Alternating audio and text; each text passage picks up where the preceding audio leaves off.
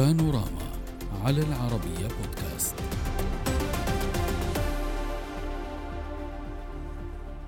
بدل المسؤولون الروس من لهجة السخرية من مذكرة المحكمة الجنائية الدولية بتوقيف الرئيس الروسي فلاديمير بوتين والتأييد الغربي لها وهذا إلى لغة غضب وتهديد ففي جلسة بدت صريحة للغاية مع الصحفيين طالب نائب رئيس مجلس الأمن الروسي ديمتري ميدفيديف الصحفيين بأن يتخيلوا معه بحسب تعبيره سيناريو القبض على الرئيس الروسي. ورغم تأكيد ميدفيديف أن هذا التصور لا يتحقق أبدا إلا أنه دعا الصحفيين لافتراض حدوثه لافتا أنه سيكون بمثابة إعلان حرب على روسيا. واستكمل المسؤول الروسي قوله بأن اعتقال بوتين سيؤدي بكافة الوسائل الروسية للطيران نحو البوندستاغ وإلى مكتب المستشار الألماني وأماكن أخرى لم يحددها. تصريحات ميدفيديف جاءت ردا على تهديد وزير العدل الألماني ماركو بوشمان بأن برلين ستعتقل بوتين إذا وصل أراضيها امتثالا لقرار المحكمة الجنائية الدولية. ميدفيديف كان توعد باستهداف لاهاي بصاروخ تفوق سرعته سرعة الصوت كرد انتقامي على مذكرة التوقيع التوقيف التي صدرت بحق بوتين وفقا لوسائل إعلام هولندية. ونناقش الموضوع من موسكو مع بسام البني الكاتب السياسي ومن بون عبر سكايب جاسم محمد رئيس المركز الأوروبي لدراسات مكافحة الإرهاب والاستخبارات. مرحبا بكما ضيفي الكريمين. ضيفي من موسكو أستاذ بسام البني أبدأ معك. لماذا غيرت موسكو من لهجتها حول احتمالية اعتقال بوتين من السخرية والتهكم إلى الذهاب بالتهديد بضرب ألمانيا بصاروخ تفوق سرعته سرعة الصوت؟ اولا روسيا لم تغير لهجتها و وروسيا لم تغير لهجتها والكرملين لم تهز له جفن. أما تصريح مدفيديف فجاء لتوصيف حالة بشكل محدد وقال أنه افتراضي. الموضوع تخيلوا معي لو كان افتراضي. يعني أي رئيس دولة يريد أن يغادر بلده إلى دولة أخرى. هناك بروتوكولات سياسية وأمنية حتى مساحة الغرفة وأين تقع التي يعيش بها ومن سيرافقه ويأخذ ضمانات أمنية. فلا لا بوتين لديه النية للذهاب إلى ألمانيا ولا ألمانيا لديها النية بدعوة بوتين إلى إليها. لذلك أنا أعتقد أن هذا الموضوع يعني فارغ ولا يمكن لأي سلطة في العالم أن تعتقل بوتين خصوصا وأن أكبر ثلاث دول نووية في العالم وهم الصين نعم. وروسيا وأمريكا لا يعترفوا نعم. طيب أستاذ بس أنت تعتبر هذا الكلام كلام فارغ. ولكن الم... ولكن كلام ميدفيديف يعني كلام خطير للغاية. في أي إطار يمكن وضع كلام ميدفيديف؟ كلام نعم نعم كلام أستاذي الكريم كلام ميدفيديف خطير نعم ولكنه جاء بعد توصيفه للحاله بأنها حالة افتراضية. يعني نحن نعلم عندما يطير بوتين بطائرته الرئاسية ترافقها مقاتلات جوية. يعني إذا ما تم إسقاط هذه الطائرات من أجل اجباره على الهبوط على سبيل المثال هذا يعني إعلان حرب. وإذا ما تم الإعلان الحرب على دولة نووية عظمى مثل روسيا هل ستقف متفرجة؟ إذا اعتقلوا رئيسها نعم. المنتخب هل ستقف متفرجة؟ بكل تأكيد لا. يعني هو يوصف الحالة تمام. بشكل دقيق ولكن هو حدد أن الموضوع افتراضي. هذا لا يعني أننا هنا في روسيا نشعر بخطر أن بوتين ممكن أن يعتقله أحد. لا يمكن لأحد على وجه هذه الأرض اعتقال بوتين إلا بعد أن يرسل دباباته إلى الكرملين ويحاصره ويستطيع إلقاء القبض عليه. غير ذلك انسى نعم طيب ضيفي من بون أستاذ جاسم لنسلم جدلا بهذه الفرضية التي افترضها ميدفيديف أنه فعلا يتم اعتقال الرئيس فلاديمير بوتين هل أي دولة غربية الصراحة قادرة على تنفيذ أمر المحكمة الجنائية الدولية واعتقال الرئيس الروسي فلاديمير بوتين بالنظر إلى قوة هذه الدولة النووية؟ أنا أشك في قدرة دول أوروبا وكذلك الغرب في تنفيذ مثل هذا النوع من الأوامر الصادرة من المحكمة الجنائية الدولية. يذكر بأن المحكمة الجنائية هي لا تستطيع أن تنفذ هذا القرار إلا بعد أن تطلب من الشرطة الدولية الإنتربول بتنفيذ هذا الأمر. فأجد أنه لحد الآن القنوات الدبلوماسية هي مفتوحة ما بين دول أوروبا وخاصة لو تحدثنا عن ألمانيا وكذلك عن عن دول أوروبا خاصة فرنسا حديث أو تعليق وزير العدل الألماني شومان نعم. هو جاء بصراحة هو من ناحية قضائية عندما يكون لديه أمر ممكن أن يكون لكن أجد أنه الجميع يتحدث مثل ما ذكر ضيفك الكريم في باب الفرضية لكن لو تحدثنا عن وضع نعم. آه، بوتين أو لكن أمر سيد جاسم حديث الوزير الألماني لم يكن على سبيل الافتراض أليس كذلك؟ هو يتحدث من ناحية قانونية أنه لو وطأت قدم بوتين في ألمانيا فهو كوزير عدل من حقه أن يقوم بتنفيذ أمر الشرطة الدولية بإلقاء القبض وكذلك المستشار الألماني رحب في الخطوة التي صدرت من المحكمة الجناية.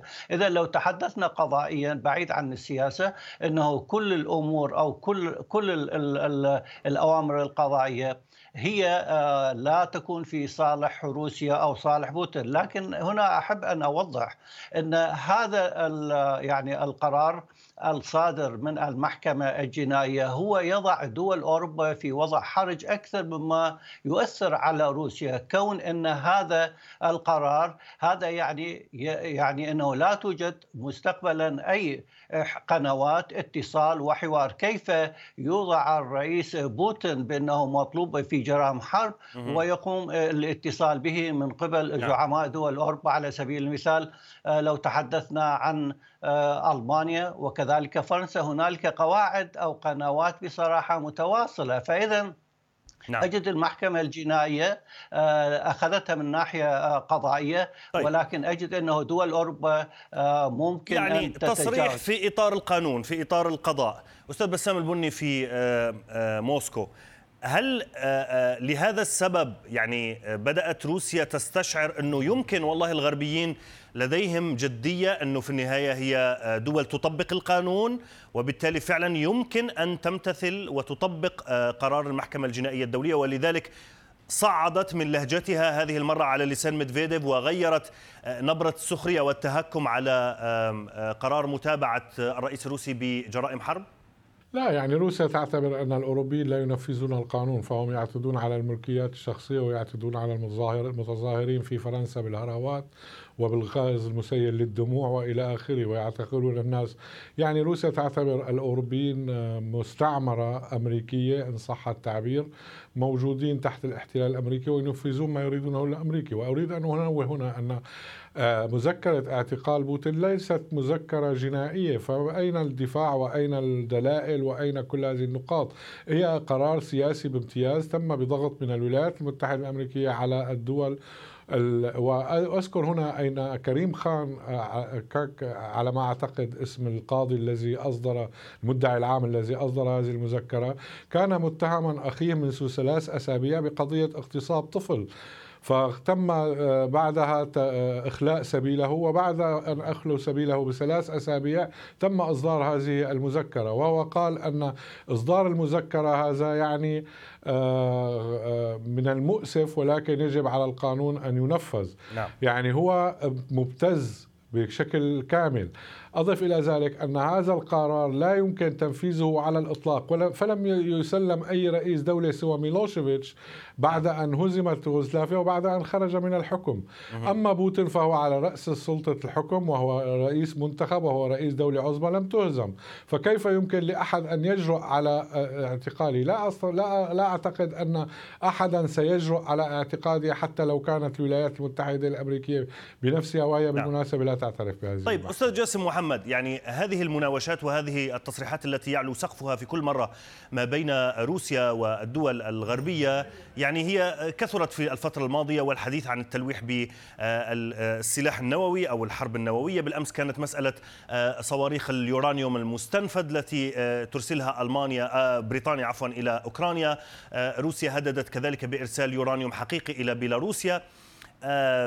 الآن الحديث عن إمكانية ضرب أي دولة غربية تقوم باعتقال الرئيس فلاديمير بوتين كل هذه التصريحات وتصاعدها هل ينبئ فعلا على أن المواجهة وشيكة أننا بالفعل مقبلون على حرب عالمية أم هذه فقط تبقى في إطار المناوشات يعني والتصعيد والحرب الكلامية فقط؟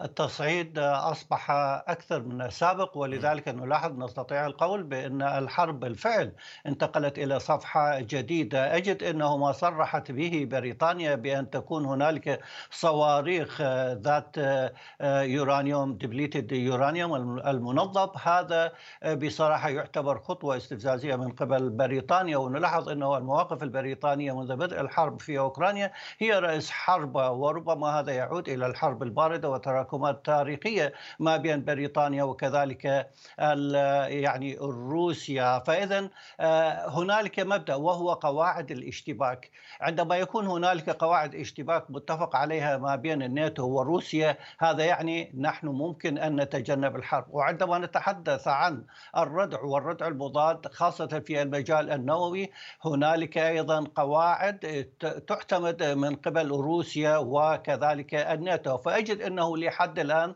صرح الناتو وروسيا بأنهم ليس في وارد نعم. الانخراط في هذه الحرب لكن المشهد الآن هو تصعيد لكن أجد في النهاية نعم. أنه لا الناتو في وارد الدخول في حرب عالمية جميل. وكذلك روسيا. نعم. آه، أستاذ بسام البني هل توافق الأستاذ آه، جاسم آه، بأن يعني قواعد الاشتباك ما بين روسيا والغرب ما تزالت ما تزال على حالها عدم الذهاب بالفعل إلى حرب كبرى عالمية فقط ضمن التصريحات الكلامية وقواعد الاشتباك الحالية؟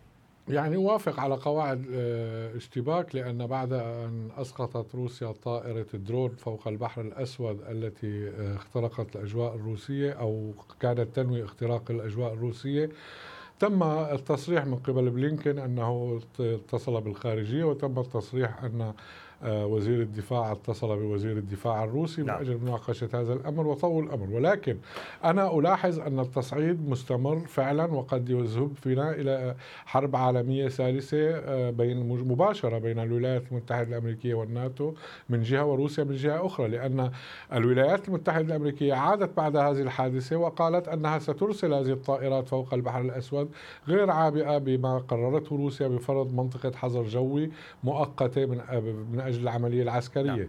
وهذه الطائرات تجمع المعلومات وتقدم لأوكرانيا. إذا أمريكا تحدى روسيا بأنها ستخترق ما قررته روسيا بعدم اختراق هذه الأجواء. فماذا سيكون في المستقبل؟ هل ستقوم روسيا بإسقاط هذه الطائرات؟ إذا ما تم إسقاطها ماذا سيكون الرد الأمريكي؟ هل سترد نعم. مثلا بضرب موقع روسي بشكل مباشر؟ هنا الخطورة.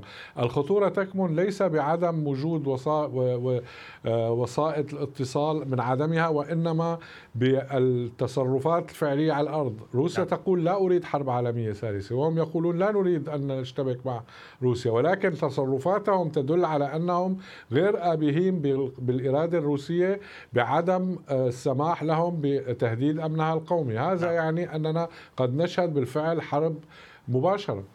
نعم. شكرا جزيلا لكما ضيفي الكريمين بسام البني الكاتب السياسي من موسكو وجاسم محمد رئيس المركز الأوروبي لدراسات مكافحة الإرهاب والاستخبارات من بون